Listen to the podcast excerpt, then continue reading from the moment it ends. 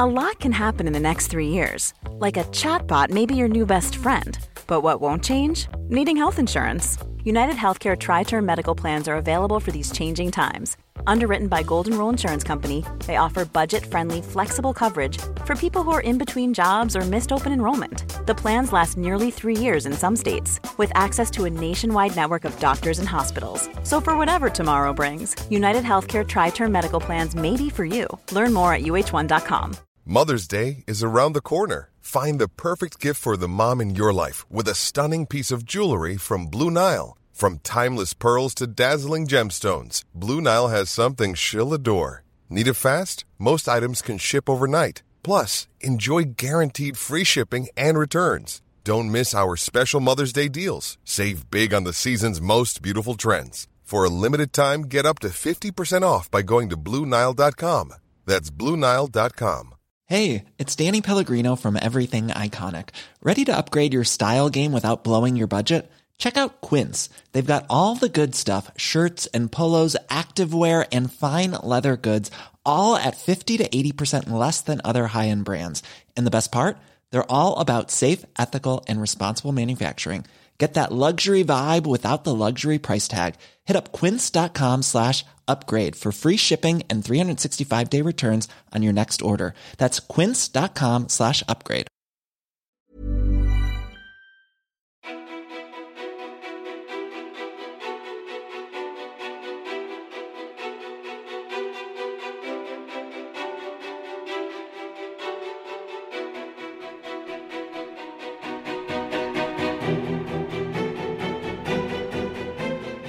Och välkomna till podcasten Ofiltrerat med mig Sofia Peterfia Ståhl och dagens gäst som är min koordinator Elin Sjödén.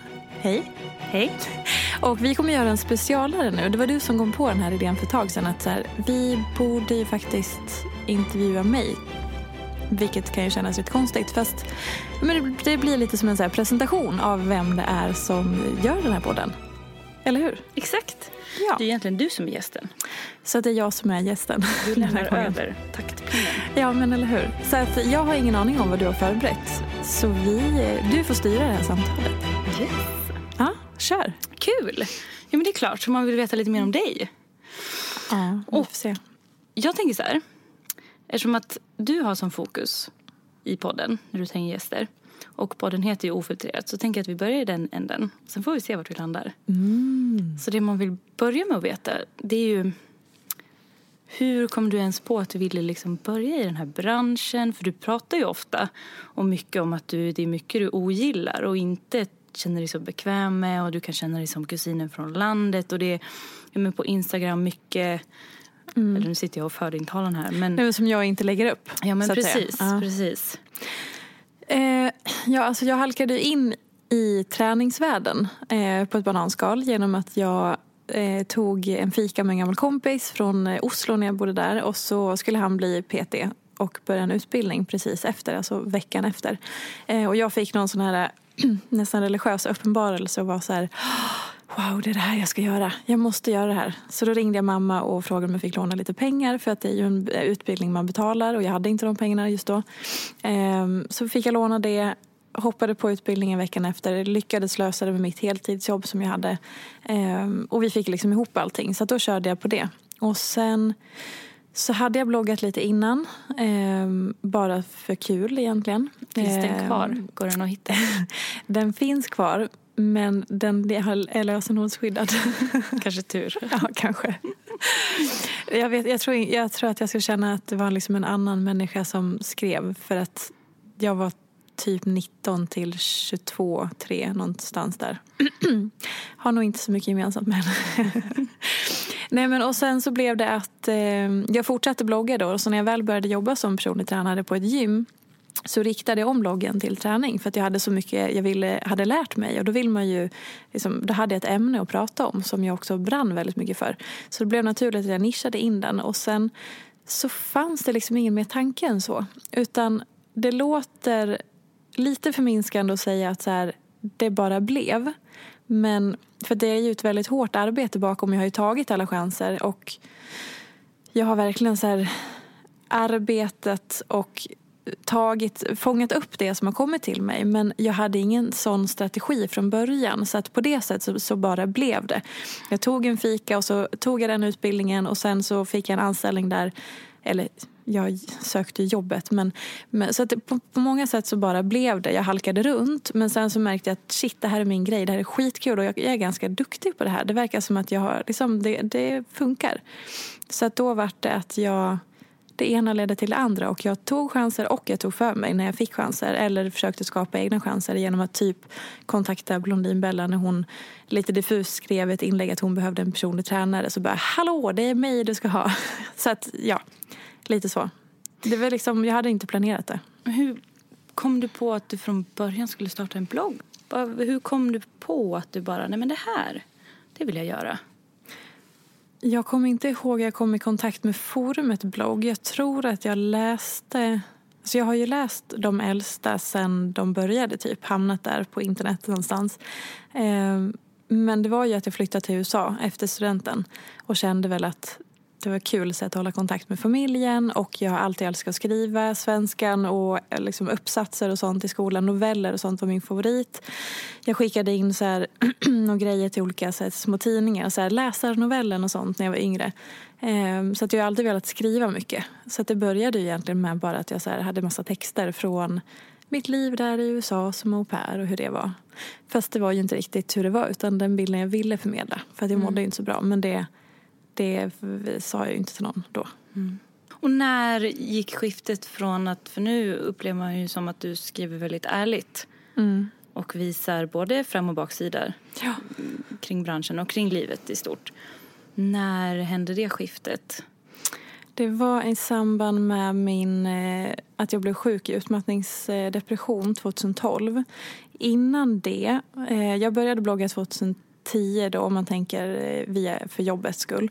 Ehm, så de två åren, så när jag var så grön i branschen, jag var ny och jag var ny i hela det här, vad är ens hälsa, vad är träning, vad, vad är sunt, vad är inte? Jag hade liksom inte hittat min plats och inte hittat min röst. Eh, och jag fick ganska mycket kritik för det i början, att jag var så jävla hurtig hela tiden. Jag mm. var så bara glad och så hurtig och det var så lätt. Och alltså idag kan jag förstå den kritiken för att jag, alltså, jag var ju sån då. Men det var ju ett skydd för att jag mådde inte så bra innerst inne. Um, så det var liksom så som jag var som människa, så som jag alltid hade varit som människa. En hurtig, glad skit, typ. Sprallig som folk kallar mig, ett ord jag inte tycker om. Ehm, men eh, så att jag var inte riktigt sann mot mina läsare men jag var ju framförallt inte sann mot mig själv för jag visste inget annat. För att jag förnekade så hårt att jag inte mådde bra. Eh, så jag upplevde ju att jag bara var mig själv. Det var ju så här, men jag är så här positiv och glad. Vilket jag, ja, jag är det oftast. Men det var verkligen inte hela sanningen. Så att när jag blev sjuk så var det ju att allting kraschade. Hela jag kraschade och allting vart så här, ja men det var kris och panik och hur ska jag göra, hur ska jag lösa det här? Eh, hur ska jag ens överleva dagen typ? Och då, där någonstans så tvingades jag byta fokus. Eh, för att jag pallade inte längre förneka. Jag sa, men gud, nu har det kommit ikapp med att jag mår skitdåligt. Jag är trasig. Okej, men då måste jag ju liksom, då är det det jag har att berätta. För att jag hade inte insikten innan. Så att när jag fick insikt, det var då jag började så landa i det. Och då var det så naturligt att ja, men nu vet jag att jag mår dåligt, då kan jag säga det. Mm. Innan visste jag typ inte. Det låter konstigt men jag visste alltså jag var jag var så hårt förnekande att jag mådde dåligt. Så bara så här, ja, en glad skit. Jättehärligt. Vad tror du att det är i det som gör att man håller upp det för sig själv? Alltså vad tror du att det är som gör att man liksom ja, men, säger till sig själv att men jag är det, punkt. Och vad är det som, måste det hända någonting för att man ska öppna någon slags lock och upptäcka det eller kan det... Svårt att säga. Jag tror för min del så behövde det hända någonting. För att här, för mig har, jag har liksom växt upp i... Eh, jag var aldrig den populära tjejen i skolan. Jag var aldrig... Alltså jag var med de populära, men jag var inte den populära i gänget. Eh, så jag var absolut inte utanför eller så. men det var inte som att jag hade något självförtroende. Jag hade liksom ingen, ingen styrka inom mig, utan jag bara hängde med hela tiden. Och jag fick höra att ja, men, ja, men du är den här spralliga tjejen. Och så dels att folk talade om för mig hur jag var och ville stoppa mig i ett fack. Att så här, ja men Fia hon är ju så och så. Ja men det där är Sofia och hon är så där. Och så var jag liksom lite tyst och försiktig, otroligt konflikträdd och folk kunde köra över mig hur som helst. Jag hängde med liksom. Och så att det blir också en sanning att säga, men det är så här folk uppfattar mig. Det var ju till och med på den nivån att när jag skulle sätta på mig kläder på morgonen så var det så här, den här tröjan, men vad ska alla tycka om jag har den på mig? Mm. Det var inte så här, den här vill jag ha för jag gillar den. Utan vad tycker alla andra? Jag var så utifrån styrd av alla andra hela tiden. Och sen så är jag också uppvuxen i en familj där man inte pratar så mycket om känslor. Vi har blivit bättre på mm. senare tid. Men vi kommer från en släkt och en familj som är man tiger ihjäl saker. Och det tror jag är ganska vanligt generellt i Alltså jag tror att dels så tillhör det liksom vår svenska mentalitet. Det tillhör eh, småstäder som man är Jag är från en småstad. Eh, och bara vissa här, generationer och så. Men vi är verkligen sådana. Vi har varit så dåliga på att prata känslor. Eh, om det har varit någonting, kanske inte rätt ut konflikter och sådana saker. Så det har ju såklart bidragit jättemycket till att jag var så. Mm. För att man är så här, man är den man är, man ska vara glad, det löser sig typ och så, ja, så är det inte så mycket annat. Och så börjar ja, nej men det är väl bra, det är bra, det är bra. Mm. Så jag tror det är en kombination av massa saker. I din uppväxt då, nu när du har en egen dotter, mm. åtta, snart nio månader va? Mm. Mm. Vad, ser, vad, vad vill du plocka från din egen uppväxt och vad vill du inte ta Finns jag... det något tydliga liksom... Mm. Det blir ju en kombination av dig och din man såklart. Men något Precis. som du har tänkt på att men det här vill jag inte föra vidare eller det här vill jag inte att hon ska få med sig. Nej men det är ju det här strutsbeteendet. Att man eh, stoppar huvudet i sanden och sen så hoppas man att det löser sig. Ehm, det får jag inte föra vidare. Det, alltså det jag, kan jag inte acceptera att det skulle bli så. Och det kommer bli nog min största mitt största arbete som förälder. Att vi ska prata om känslor. Inte så här bli någon så här hobby, hobbypsykolog eller så. Men bara att så här, jag vill prata om saker. Men gå inte in på ditt rum om du känner dig att du mår dåligt. Eller gå, liksom, håll det inte inom dig. För att jag har så många i min familj och min närhet. Också vänner och så som är uppvuxna på exakt samma sätt. Man pratar inte känslor, måenden. Så här, det är så mycket praktiskt hela tiden. Eh, inte det här känslomässiga, emotionella och så. Utan och det vill jag verkligen försöka ändra på i hur vi uppfostrar vår dotter. Och, eh, eh, så, och jag tror att jag har jobbat så mycket med mig själv så att nu har jag liksom ändrat lite hur jag är. Så att jag pratar om sånt hela tiden så jag tror att jag kommer få med mig det. Eh, men man vet ju inte. När man, när man blir förälder själv så är man ju så stöpt i någon slags roll. Mm. Eh, men det vill jag försöka ändra på. Ta bort strutsen liksom. Det som jag vill föra med mig är ju liksom det här engagemanget som mina föräldrar alltid har gett. Det var det så här, allt ifrån att jag ringde mamma så här, klockan fem en helgmorgon och bara hej, jag råkar vara i Falun nu som är fyra och en halv mil bort. Kan du komma och hämta mig och mina kompisar? Vi är lite fulla här. Alltså att våga ta det samtalet och ringa och så här förlåt, jag har gjort någonting lite halvt fel. Jag är i en annan stad, det är mitt i natten, typ morgon och vi är skitpackade.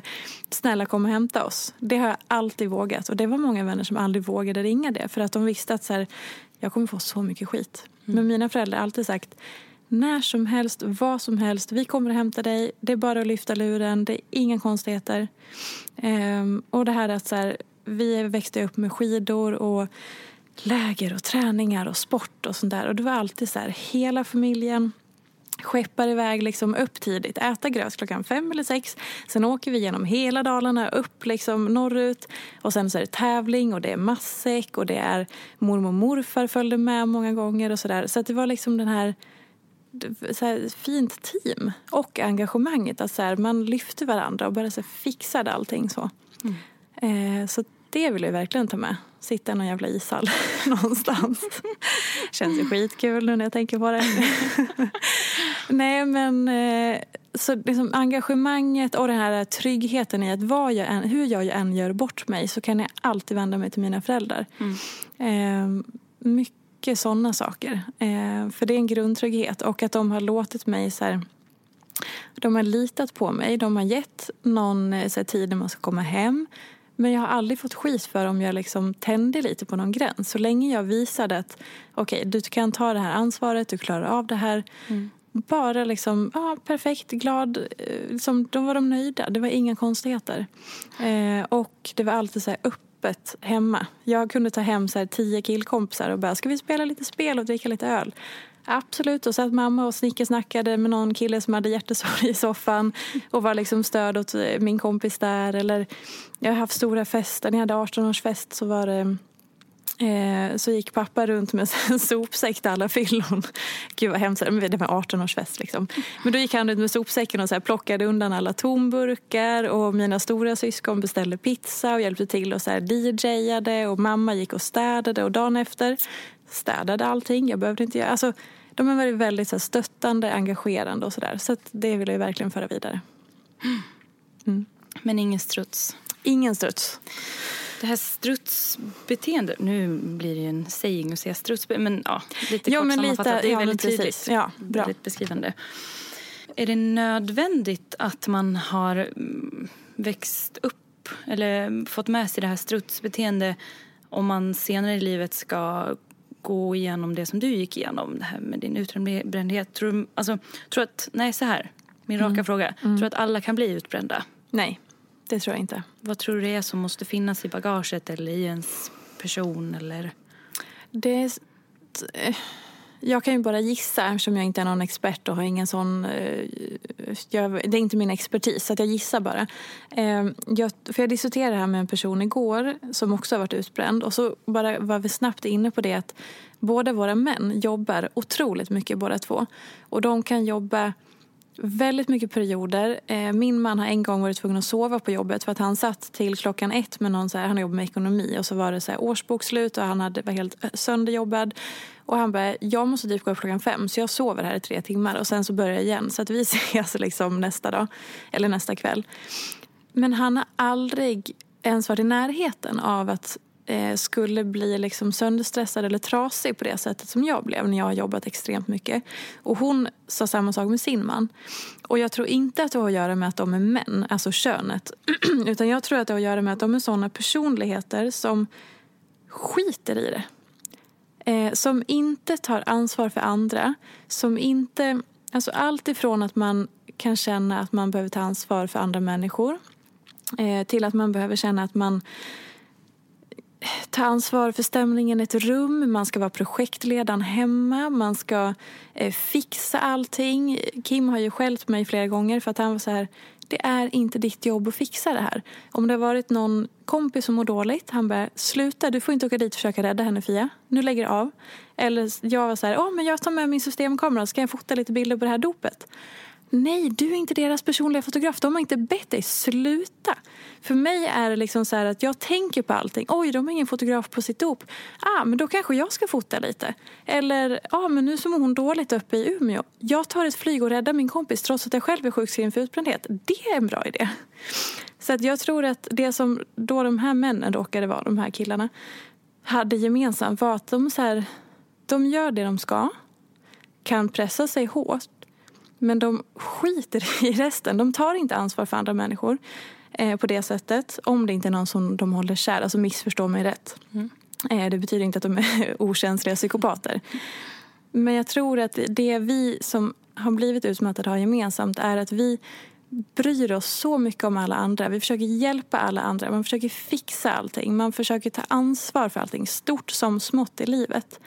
Eh, och det tillsammans med för lite uh, återhämtning, tillsammans med jättehög belastning, inte bara på jobbet utan även socialt, eh, hemma, liksom i hela livet. Och att man kanske inte kan släppa saker. Man tar kanske saker personligt. Man, eh, det är liksom, och sen är man så här skör och högkänslig eller ja, långt svar. Men så här, nej, jag tror inte att alla kan bli utmattade för att en del skiter i det vilket är någonting positivt mm. och någonting som jag har lärt mig. Jag skiter i saker nu. Mm. Jag tar inte åt mig på samma sätt. Jag släpper saker mycket snabbare. Ehm, så att jag tror att det är det plus en annan grej som gör att alla inte heller kan bli utmattade tror jag är att en del kan inte pressa sig själv så hårt. Man har en naturlig broms någonstans vilket är bra. Det är jättebra. Mm. Den bromsen har jag monterat in nu efteråt. Försökt mecka, mecka in i mitt system. För alla är ju inte högpresterande som människor. Vilket är positivt. Det ska man vara noga att mm. säga. Mm. Alltså har man den här bromsen naturligt. Grattis, fantastiskt. Um, så att, ja. Liten hobbyanalys. Mm. Men det här med att vilja hjälpa människor och finnas till för folk. Är det för att man själv på något sätt mår bra i det för att få känna att man gör bra saker och få finnas till för folk? Eller är det för att man vill få den på andra sidan bordet, rummet, eh, andra sidan uppe i, mm. på andra sidan landet och må bra? Eller det, finns det någon egen, liksom, får man någon bekräftelse i det som saknas? Det blir lite hobbyanalys mm. tillbaka här från det här hållet. Men om du förstår vad jag menar? Absolut. Jag eh, fick en uppenbarelse för min kompis som är terapeut sa till mig en gång att eh, hon sa just det att så här, an, eh, nu, ska, nu ska jag inte citera men hon sa typ att om man har de här tendenserna, att man är väldigt omhändertagande, man vill hjälpa alla, finnas för alla och sätter sig själv liksom bakom och alla andra främst, så är det en form av bekräftelsebehov. Och jag hade inte fattat det. Mm. För jag, jag har tänkt så här att okej, okay, men bekräftelsebehov, jag har funderat mycket på det genom åren.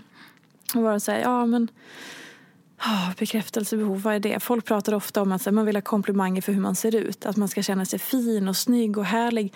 Ja, det är klart att jag ibland säger till Kimba, men hallå vad tycker du om de här jävla klänningarna jag köpt? Tycker du att jag är fin eller? För att han har en tendens att, att han tänker saker men säger inte rakt ut. Så då börjar jag fiska lite. Men jag upplever inte att jag har ett bekräftelsebehov att jag så här, behöver lägga upp en selfie för att massa ska säga hur snygg jag är. Där känner jag inte igen mig. Ehm, och bekräftelsebehov är så här duktig flicka och så här, har bästa betygen i skolan. Känner inte igen mig. Hade bra betyg men jag var aldrig den som satt och slavade för att få MVG i alla ämnen. Jag skolkade ganska mycket. Nu pratar jag bara om att jag festade och skolkade. Vilken, vilken bra förebild.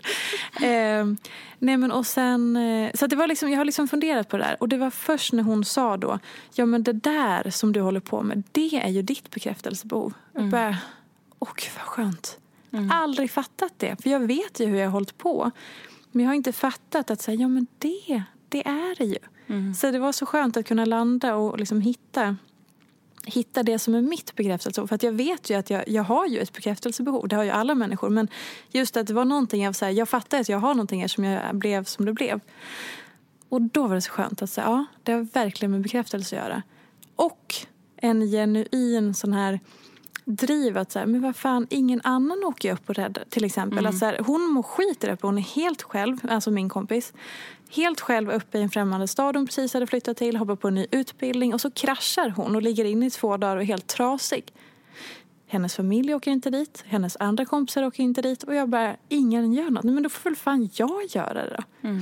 Så att jag tror att det är dels här mitt bekräftelse över det tillsammans med en så här att jag är ganska driftig som person. Jag tar tag i mycket saker. Och jag säger nej, för fan.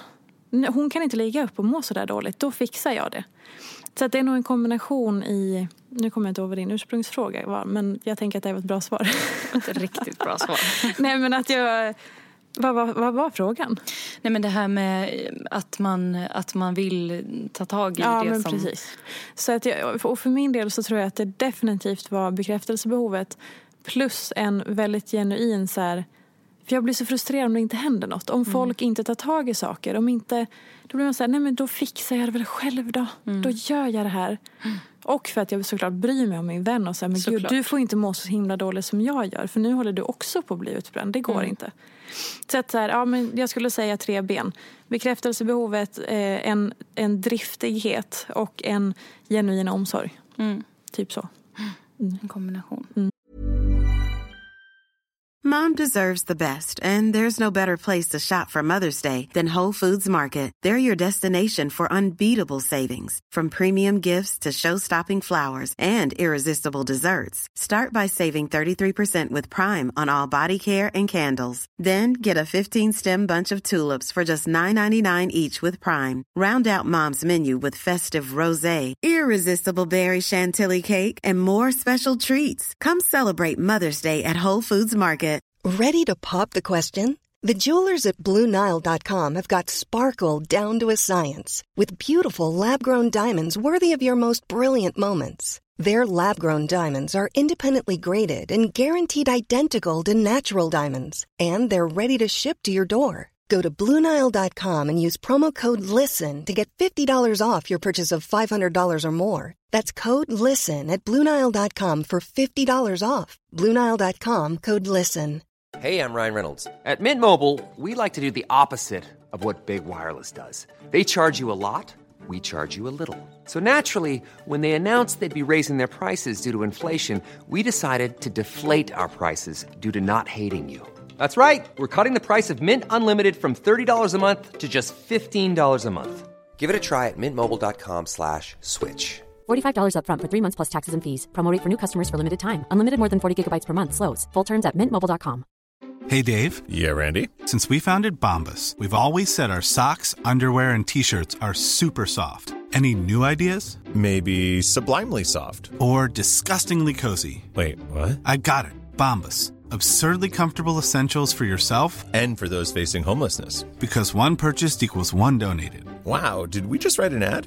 Yes. Bombas. Big comfort for everyone. Go to bombas.com slash ACAST and use code ACAST for 20% off your first purchase. Det här, eh, jag tänker, eh, det är ju många i den, för att knyta an lite där vi började, många i den bransch du verkar i som, som pratar just nu om att folk mår väldigt dåligt, det är väldigt mycket stress och press. Mm. Många som säger att de blir utbrända. Vad, vad känner du när du hör folk i din bransch prata om det? Eh, ja, det är ju fruktansvärt att vi är så många som mår dåligt, eller har mått dåligt. Och hur man mår dåligt kan man aldrig ta ifrån någon. Ens eh, känslor och mående är ju sånt som... Det är ingen som kan säga att man inte kan känna det man känner. Eh, det har man. liksom. Att, eh, säger man att jag mår skitdåligt, då är det klart att man gör det. Då får man lyssna in den personen. Det jag har svårt för är att jag tycker att ordet utbränd eh, används lite fel. För jag tycker att det har blivit en tendens att det nästan känns som att utbrändhet har blivit lite trendigt, vilket är vidrigt. Eh, jag tycker att det är så jävla synd för att det tar liksom bort mycket av eh, tyngden och respekten och att så här, det är en allvarlig sjukdom. En del får bestående hjärnskador, det är bevisat. En del kan vara sjukskrivna i tio års tid. Det kallar jag att vara utbränd. Eh, att man säger, jag har hört så många som säger så här, ah, nej, men jag mådde lite dåligt i en månad och då, jag var utbränd. Och då tänker man så här, okej okay, du har inte rätt att säga att jag inte var sjuk eller jag inte mådde dåligt och så. Nej men det är inte det jag pekar på utan jag skulle vilja lyfta mer att så här, man kan säga jag blev nästan utbränd. Eller nästan utmattad. Att man kan lägga till de här nyanserna för att någonstans så det blir lite fel om man säger att man var utbränd en vecka. Eller att man var utbränd eh, i en månad eller så. Jag, för mig blir det fel. Jag var sjukskriven i ett år eh, och jag var...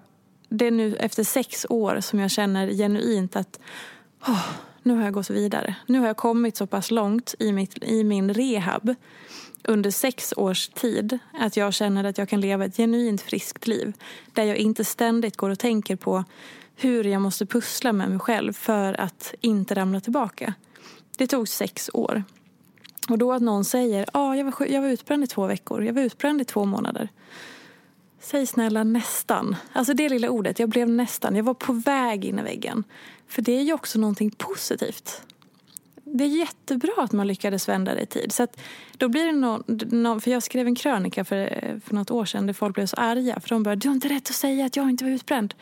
Men jag säger ju inte, alltså jag tar inte bort att du mådde dåligt. Jag vill bara säga så här, det är någonting positivt att du inte hamnade ner i skiten som många andra gör. Att du lyckades rädda dig själv. Men det här är jättekänsligt så jag vill inte trampa någon på tårna. Men jag önskar bara att vi kunde lägga in lite nyanser och gråzoner och lite så här. Säg inte att du var utbränd i två, två veckor. Gör bara inte det. Mm. För att det är ingen som säger att man hade lite cancer eller om jag bröt ett halvt ben eller jag så här.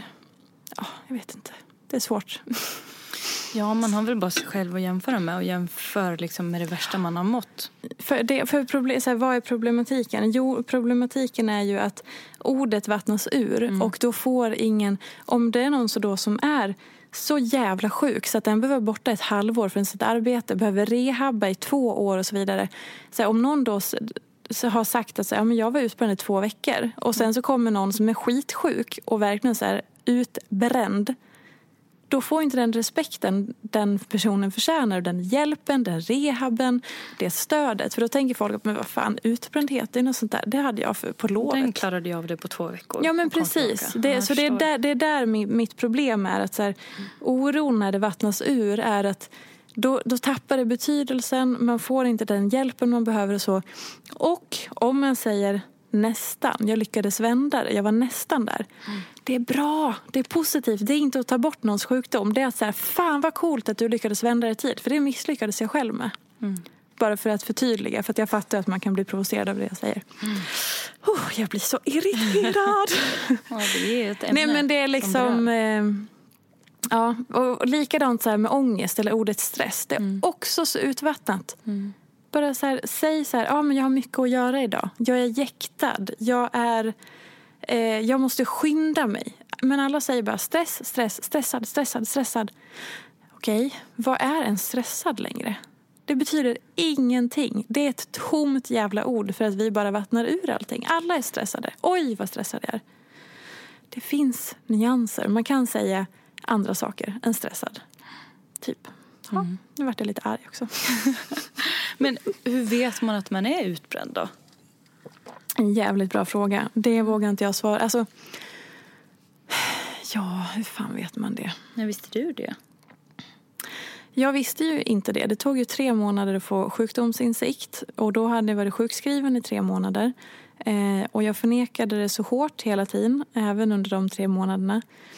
Eh, så säger jag, ja, nej man vet, jag har ingen aning.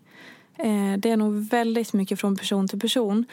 Men jag tror också att så här, anledningen till att många kanske tror nu kommer det någonting som jag inte har tänkt igenom här, så håll i er. Eh, jag tror att många kanske tror att när man mår lite dåligt i livet, att man då tänker att nu är jag utbränd eller jag är sönderstressad, är för att man inte tänker att ett normalt liv innehåller dåligt mående och det är normalt. Det är normalt att ha ett liv där man har ångest vissa dagar. Att vissa dagar känner man sig helt slut. Vissa dagar känner man sig som att man inte vill gå upp ur sängen. Man känner sig arg, irriterad, känslosam, eh, har PMS, har ont i huvudet. Alla konstiga grejer. Och det är normalt. Det är så ett liv ser ut. Att man har dagar som är på toppen och underbara och man är så här dream big, enjoy life. Alltså bara älska allting. Sen har man dagar som suger. Man är inte sjuk för det. Man är inte sönderstressad. Man mår inte ens lite dåligt i det stora. Men just den dagen så mår man skit. Och sen kanske man har en period där man i tre veckor mår skit. Man känner, vem är jag? Och så vidare. Man kanske ska bli religiös eller byta jobb eller byta liv. Eh, ja, du vet, sådana saker. Det är normalt. Man mår dåligt i livet. Men jag tror att vi är så söndertvättade, hjärntvättade att med att man ska vara lycklig hela tiden. Så då när man känner de här sugiga dagarna och de här perioderna som bara är så här, man går typ och existerar och bara, jag tycker ingenting är kul. Jag mår skitdåligt. Då tror man att man är sjuk eller att det är något fel som är så här, inte bara en dålig period. Därför tror jag att folk också blandar ihop begreppen. För att man inte fattar att så här, tyvärr, vi kommer må skit i vissa perioder i livet. Det bara är så. Ja. Är det mycket din bransch? Är det, tror du att det är det som bidrar mycket till att folk tänker att man ska vakna varje dag och, och vara lycklig? Att det är det någon slags som är det generella Gud, ja. bra, sunda Mm. måendet man ska vakna med varje dag om man är på en bra plats i livet Ja. och liksom mår bra, punkt. Ja, för att det är ju så sociala medier är uppbyggt. Eh, att det ska vara perfektion, inspiration, det ska vara eh, snyggt och härligt och glatt och mysigt och perfekta flöden. Alltså, det är så det är uppbyggt för att det är det man ska vilja ha det man inte har. Man ska handla det där och man ska inspireras och sådär. Så att ja, det är klart. Man glömmer bort att sociala medier är en väldigt liten del av människors liv. Mycket av proffs sociala medier, alltså de som har det som yrke, då är det ett jobb. Det är inte den människans liv, det är ett jobb, det är en kuliss. Eh, så att, ja, det är klart att om man är för mycket i det så kommer man ju glömma bort att om man inte följer folk som visar också så här, de andra delarna av livet. Men det bidrar. Men jag tror inte att... Jag vill inte skylla allt på sociala medier heller.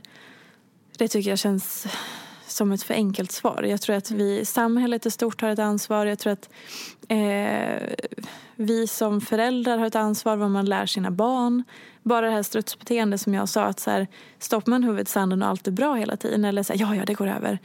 Ja, men det är klart att det bidrar ju inte heller. Alltså när jag växte upp eh, och kom upp liksom till min grej, då hade ju inte sociala medier funnits så himla länge. Så det var inte tack vare sociala medier som jag blev sjuk eller mådde dåligt i livet. Så att eh, jag tror absolut inte att det är sociala mediers fel, men det kan vara en bidragande orsak för många idag. Men folk har ju mått dåligt i alla tider ändå. Mm. Tyvärr. Och kanske stängt dörren till sitt hem och inte ja. pratat utåt om det. Jag tror att ett stort problem är att vi är så jävla rädda för allting. Vi är så rädda för att blotta oss. Vi är så rädda mm. för att vi, vi är så rädda för att folk ska se våran egentliga jag eller komma på oss. Så man vågar inte dela med sig. Man, man vågar inte vara, vara ärlig. Och då är man ju inte ärlig till slut mot sig själv. Som jag var där i början. Jag var inte ärlig med mig själv. Jag flydde ju från att jag mådde dåligt. För jag vägrade att inse det. Så och sen tror jag att mycket är liksom, om man växer upp i det, som jag sa, praktiskt och emotionellt. Att om man bara kunde lyfta lite mer på det emotionella och känslomässiga även i uppväxten. Och se varandra i sin familj. Att man så pratade, inte satt vid sociala medier, skärmar, tittar på tv eller bara så här, åker och skjutsar till träning och sånt. Man frågar så här, ja men fasen, hur kändes det där för dig? Eller hur var det? Eller så. Jag tror att det skulle göra mycket. Vad tänker du då med, med Edith, din dotter då, med eh, alltså när det kommer till sociala medier? Vad du än säger så kanske hon kommer smyga åt sig en telefon här och där ah. ändå. Gud, den dagen. Vilken jävla sorg. Nej, eh, det är klart att hon ska ju få vara en del av det. För det är så samhället ser ut. Jag själv jobbar med det så jag kan inte vara en hycklare och säga att min dotter ska inte vara på sociala medier. Det vore jättekonstigt. Mm. Jag är också väldigt tacksam över allt sociala medier har gett mig. Mm. Eh, så, så här, ja, jag ska bara försöka. Jag ska ge henne vi ska läsa några bra böcker tillsammans eh, som handlar, som till exempel eh, eh en bekant, Maria Duva har ju släppt några bra böcker om så här, som man vuxen och barn kan prata om sociala medier, om alla faror som finns där. Eh, jag hoppas verkligen att hon att jag kan få vara en del av det så att hon känner sig trygg med att jag får liksom se allting som hon gör, att hon kan visa upp det, att hon inte behöver smussla med saker. Ehm, och bara så här hela tiden liksom berätta om att ja, det är roligt. Det finns massa kul, inspirerande, härligt. Det finns också saker som är rent farliga. Och det måste man hela tiden ha koll på. Mm. Ehm, Sen vill jag ju inte att hon ska exponeras i sociala medier för mycket. Jag är ju, nu är det så här, okej, okay, när är det dags att ta bort henne från mina sociala medier? Eh, för att hon börjar få ett eget utseende och sådär. Och jag vill inte att hon ska bli någon eh, sociala medier-influencer när hon är ett, tre år liksom. Eget konto? Nej, absolut inte. Det kommer aldrig hända. Eh, så det är svårt. Man vet ju inte. Sen vet inte jag hur det ser ut när hon är sju år. Vad Nej. har vi för sociala medier då? Det kan ju vara någonting helt annat. Eller 14 och sådär. Så jag tror att man bara får försöka hänga med. Och, men absolut vara närvarande och medveten. För det kan nog... Hon får inte sitta på sitt rum och säga nej du får inte följa mig för att jag lägger upp privata saker. Alltså, mm. Hon får inte ha ett privatliv för mig på sociala medier. Då, hade jag blivit, då, då blir jag orolig. Mm. Mm. Inget privatliv. Nej. Inte Vi kommer börja med The Stalls. Exakt. En sån reality-serie. Nej, det absolut inte. Inget sånt. Men jag som person bredvid i ditt liv ganska ofta. Mm. Eh, ja, vem är du? Kan du inte bara säga det så att man har koll på dig? Ja, nej, men det, det kan vi ta någon annan gång. Men jag tänkte säga bara att du skriver ju väldigt öppet och väldigt liksom sant i ditt må, hur du mår, upp toppar och dalar, så, alltså som du säger, som man mm. mår som ja. vanlig person. Innan du fick Edith, det kändes som du hade högre toppar, lägre dalar. Ja. Upplever du samma sak själv eller det, hinner du inte känna efter lika mycket eller är det, en, eh, är det fel, eh, upplever du inte samma? Jo, det gud, kändes ja. som du både liksom i, i, i liksom, men hur relevant du var. Mm. Nej men nu, nu, nej, vem bryr sig om vad jag åt till frukost i morse och nu ska jag lägga ner. Men det, Alltså innan? Ja, precis. Och att det kunde vara så någon sån period och även att det hade varit så en period. Sen kom du och Just berättade det. det. Men du ligger ju ofta i förhandlingar om saker Mm. och det är stora, stora avtal som ska bollas länge hit och dit och att ditt mående liksom svängde med lite i de svängarna. Mm, gud, Men ja. nu känns du så obrydd kanske är fel ord. Men Nej, men det... Det gud vad intressant. Jag har inte hunnit... Som du säger, jag har nog fan, förlåt jag svär. jag hinner inte fundera på sånt. nej. Jag har ju hört folk som säger att här, när man får barn så är det så skönt för då fokuserar man inte på sig själv lika mycket. Och det är helt sant. Jag trodde nog inte att det skulle vara sån enorm skillnad. Dels så tycker jag att jag mår ju lite bättre i grundmåendet och sen om det har att göra med att här, jag har en liten underbar eh, människa bredvid mig som man dels får så här massa närhet av, som man älskar så sjukt mycket och som det händer så mycket kul med och det bara så här, det är ju så jäkla mysigt. Så att det är klart att man får en massa positiv energi av det. Samtidigt så är det ju sjukt krävande. Också med tanke på att jag hela tiden har jobbat. Ehm, så, men så här, ja, jag har ju fullt upp så att jag hinner inte fundera på det. Men det är en annan grundkänsla i mig. Men det har knappt hunnit reflektera. Utan jag tycker att allting känns bara så självklart. För att jag har inte tid. Jag har ju inte tiden eller energin riktigt. Att hålla på med massa fass. eller så. Det är bara så här. Det är bara att göra. Nu, nu kör vi. Nu är det så här. Ja. Alltså jag vet inte, ja det måste ju ha att göra med att, hon, att man blir förälder och då ändras ens fokus, ens tid begränsat, ens, ens ork blir begränsad. Och det är en annan person som är viktigare än en själv. Det är väl kanske framför allt det. Men det är en väldigt korrekt iakttagelse. Så om jag någonstans har... Jag, har liksom den, jag är inte förvånad när du säger det, men jag har inte hunnit blomma ut i den och så här, just det, det här har hänt. nej, det har du väl kanske inte heller tid att sitta Nej och göra. men precis. Så att, nej men det är 100% korrekt. Jag är med på den. Men det kändes som ibland du kan, kunde komma in till kontoret och bara, nej men jag hade så mycket tid igår. Så då satt jag och snurrade in mig i någon tanke och, och då kom jag så långt bort från att liksom, nej. Att man liksom hinner tänka så mycket så att man hinner snurra in sig i något hörn där man liksom helt tappar, tappar tron på att man är relevant för någon på något vis. Gud, liksom. jag var ju otroligt upp och ner på alla sätt. Ja, det var inte så att det märktes så mycket utåt. Det var ju snarare efter du kunde komma och säga ja, nu, är det börjar det vända här. Men, Det är jaha, helt du... rätt. Jag har ju alltid tänkt att jag är så här HSP-ig och varit så här... Ja, men jag är så, alltså sån känslomänniska och sån... Jag upplever inte att jag är det på samma sätt. Jag känner mig lite mer... Ja, men självklar är bara ett så konstigt ord. Men jag känner mig lite mer självklar. För att också att jag har inte tålamod eller möjlighet. Det, så här, det ska bara fixas. På något vis. Ja, jag vet inte. Men något som är väldigt intressant är ju också någonting som vi har pratat om och du har skrivit om på din blogg också. Det här med att när du tar dig an stora uppdrag, du föreläser, du gör eh, du är med på tv-framträdanden. Där har du ju noll procent dåligt självförtroende. Alltså du har ju väldigt stort liksom, nej men det här fixar vi, ja. Och det är ju många som liksom vill stämma av innan. Ja, vill du förbereda dig, vill du ha lite tid, vill du ha lite hjälp? Du, brukar du ju ofta bara, nej men det, det, det, det där har jag i mig, det tar vi med en klackis. Ja.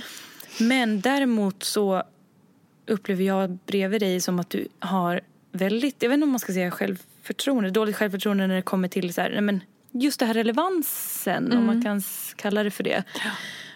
Träningsresa du la ut i eget namn. Nej, men det är ingen som kommer boka det här. Nej, det är ingen som kommer lyssna på den här podden. Nej, det är väl ingen som bryr sig om Ja. hur... Det är så intressant. ja, det är så konstigt. Och den Det- känns ju som det finns kvar. Ja, det gör den. Eh, den kanske blir lite bättre. Jag är, inte, jag är svårt att säga. Nej, den finns nog kvar. Och det är skillnad för att exakt som du säger. Jag kan vara med i gästa Nyhetsmorgon, äh, eh, äh, eh, ja, men Nyhetsmorgon eller SVTs Morgonstudion. Är 0% nervös. Har liksom full tilltro till att jag kommer greja det. Sen kanske jag med, är jag mer och mindre nöjd med mina insatser. Men jag är inte nervös. Jag, är så här, jag grejar det här. Jag kan det här. Jag är, jag är bra. Men sen om det är någonting när andra människor ska liksom... Som att... Ja, men nu så ska vi göra en föreläsningsgrej till hösten förhoppningsvis i eget namn. Och så vill vi att typ 300 personer kommer. Jag, jag tror ju inte att någon kommer komma. För att då är det jag själv som är som avsändare och så här, åh herregud. Men däremot om, om Coop bjuder in mig som gästföreläsare och det är de som bjuder in folk. Noll procent nervös. Men när jag själv är så här, ja ah, det vore kul om någon kom till min den här saken. Då tror jag verkligen inte att någon kan komma. Eller anmäla sig eller något så. Att du själv tar den platsen? Ja. Då är det stor skillnad. Har inte riktigt landat i vad det är. Ehm Ja, likadant om jag så här, när jag släppte min bok och var så här, men vad då ska jag ha en frukost på Akademibokhandeln? Ja, hur många platser ska jag? vet inte.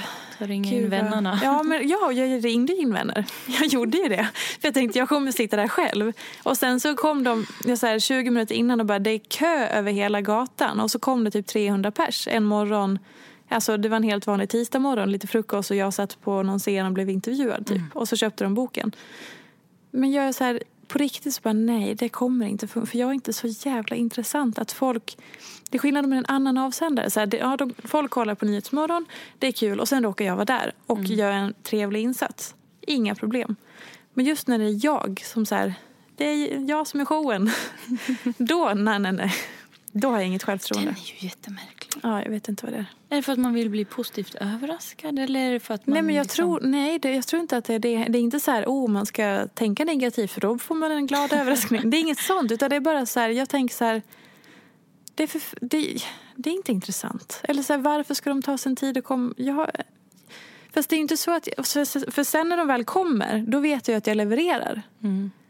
Men just att de ska komma? Nej, jag vet inte. är det någon som är en hobbypsykolog så kan ni höra av er. Då kan ni ringa in på ja. nummer 03. Exakt.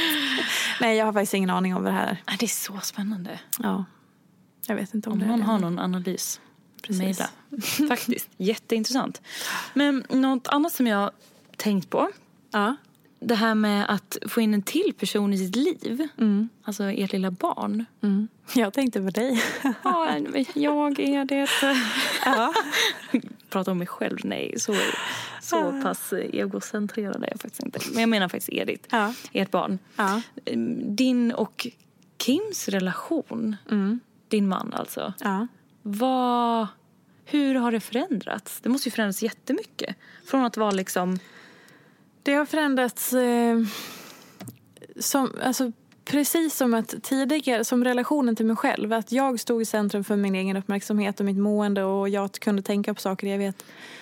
Så är det exakt samma sak med vår relation. Tidigare så var det bara han och jag. Vi kunde, alltså då var ju fokus på att så här, se varandra, gosa med varandra, eh, ge varandra en puss när man kom in genom dörren och eh, liksom ta hand om varandra. För vi hade, vi 100% fokus på varann hela tiden. Medan nu är det 100% fokus på Edith. Vilket gör att det kan gå två dagar och bara, men gud vi har inte kramats. Oh, och jag väldigt så näringstorsk. Näringstorsk? Närhetstorsk. du, du är näringstorsk också. Näringstorsk. Alltid menar, mat nära till hands. Ja, gud ja. Jag menar närhetstorsk. Att jag är så här, nej nu får du faktiskt komma hit och typ så här pilla mig i håret eller hålla om mig lite. För att jag måste ha liksom den fysiska beröringen varenda dag. Mm. Och för mig så var det lite så här krångligt att vänja sig vid det i början. För jag var så här, vi får inte tappa det här. Men det, man får ju väldigt mycket närhet från sin bebis. Så att det blir inte så att man tappar närheten. Kim men just, utbytt. Exakt. Och det blir också så att ens partner hoppar ner ett steg. Mm. Från att ha varit den viktigaste personen i ens liv så vet vi båda två att nu är det den viktigaste personen och vi har kommit ner ett steg. Men så att relationen förändras jättemycket skulle jag säga. Men så länge man är ett team och vi vet ju att eh, det här är en period vi har till låns. Hon kommer snart växa upp och då kommer vi få tillbaka allting förhoppningsvis om man, om man vill hålla ihop och man liksom tar hand om varandra. Så att jag tror att jag fattar varför folk går isär. För att om man glömmer bort varandra helt, man kan ha en period där man så här, ja men man kanske inte kan ha jättemycket sex när man precis har fått barn, man kanske inte vill, eh, man kanske inte har, har lust och så här, om man ammar någon jättemycket kanske man inte vill sitta och kramas resten av kvällen när man väl får vara lite själv.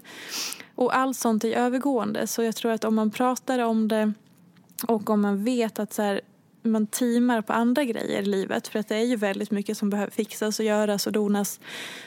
Och att man är så här, nej men gör det där för då mår du lite bättre. Att man tar hand om varandra och inte blir den här, nej men du fick faktiskt det där nu så att nu får jag det här.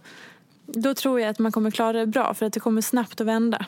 Alltså bara när hon blir mer självständig som kanske en tvååring som kan gå och prata och så så kan vi hämta hem ganska mycket av vår egen relation, tänker jag mig. Jag kanske har fel, men jag tror det. så att eh, det behöver liksom inte bli sämre, det blir bara annorlunda. Mm. Och man måste också acceptera det tror jag. Det kommer inte vara som det var förut, exakt som det var förut. Men det är ju det som är spännande för att det, det, det utvecklas ju hela tiden. Så inte sörja och inte vara en struts? Jag tror att man kan få sörja tycker jag man alltid ska göra. Det får man göra. Gud ja, det tror jag är jätteviktigt. Men inte kämpa emot det. Nej, precis. Alltså, så här, bara så här, gilla läget lite. Man kan sörja och sen säga men det här är vår relation idag. Och det är inte dåligt. Det är bara annorlunda. Och nu fick vi ju världens bästa grej. Alltså vårt barn, grej. eh, och då innebär det att vi är en familj nu. Och bara det är ju skithäftigt. Och det ändrar ju om massa saker. Och det gör också en annan trygghet. Man hör ihop, man har skapat ett liv tillsammans, en annan människa. Så att så här, det blir ju så mäktigt på ett annat sätt. Mm. Så, så här, det är inte dåligt, det är bara annorlunda och någonting nytt. Mm. Typ så. Och prata med varandra, ja. inte strutsa. Aldrig strutsa. Strutsa och näringstorsk. Mm. Två ord tar med oss. Näringstorsk, ännu bättre. Men vi, jag ser på klockan att vi måste ju börja avrunda. Ja. Det är ju, känns lite snopet. Jag hur mycket mer jag vill ta upp. Men vi kanske gör en eh, säsong två tänkte jag säga. En ja, avsnitt två. En hel säsong. Nej, inte. Men en till kanske. Ja, jag har jättemycket mer som man vill, man vill fråga dig om. Vi får ju många Vi får se om folk gillar det här och så får vi ta det vidare i så fall. Ja men precis. Ja men tack för idag då. Tack själv, bra jobbat Elin. Ja, tack, vad kul att du ville ställa upp i din egen podd på andra sidan. Svårövertalat. tack så mycket och tack för att ni lyssnade. Hej då! Hej då! Följ mig gärna i sociala medier. Jag heter Peterfia på Instagram och bloggar på peterfia.se. Vill du komma i kontakt med mig så gör du det på info.ptfia.se Jag vill rikta ett stort tack till Acast för studie och stöttning och ett stort, stort tack till geniet Elin Sjödén som klipper den här podcasten.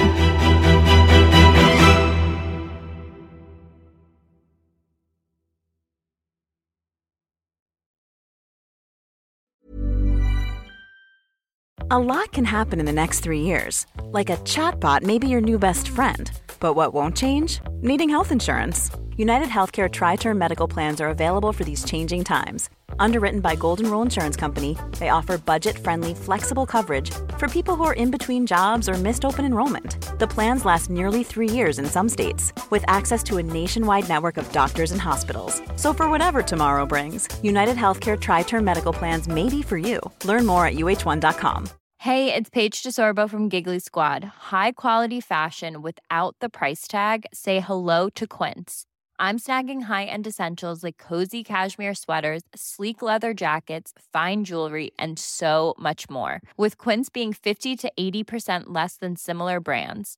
And they partner with factories that prioritize safe, ethical, and responsible manufacturing. I love that. Luxury quality within reach. Go to quince.com slash style to get free shipping and 365 day returns on your next order. Quince.com slash style.